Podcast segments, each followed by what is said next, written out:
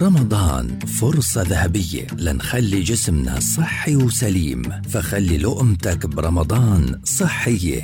لقمة رمضانية. برنامج بتقدم لنا فيه أخصائية التغذية آية الفار. نصيحة صحية ذهبية في كل بودكاست. لقمة رمضانية يأتيكم خلال شهر رمضان في مثل هذا الموعد عبر أجيال.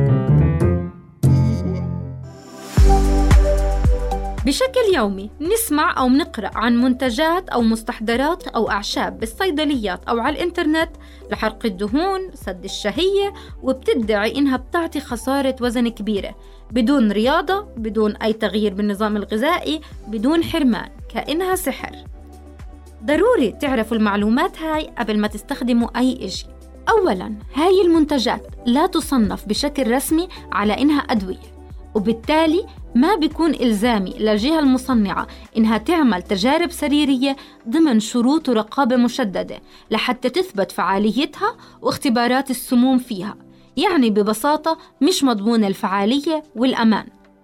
النقطة الثانية حتى لو بيكون جملة فعالية مثبتة علميا أو معمول عليه دراسات تثبت فعاليته أو بتقدر تقرأ عنه عن الإنترنت لازم نعرف نوعية الدراسات. حسب بحث انتشر بال 2021 متعلق بمنتجات خسارة الوزن شمل أكثر من 315 تجربة سريرية.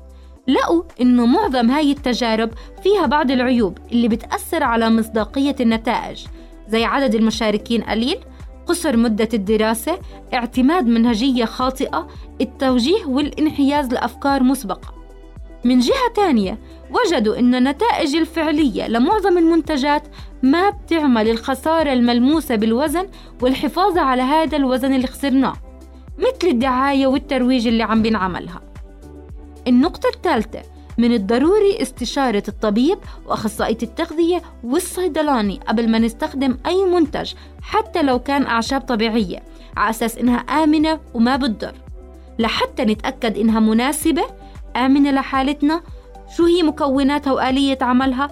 شو المضاعفات والآثار الجانبية؟ وأكيد إنها مرخصة من وزارة الصحة الفلسطينية وموجودة بالصيدلية. وأخيرا نتذكر جملة مهمة. ما في بديل لتغيير نمط حياتنا ونظامنا الغذائي والنشاط البدني. ما في أي طريقة رح توصلنا للوزن اللي بدنا إياه بطريقة صحية وآمنة ونحافظ عليه.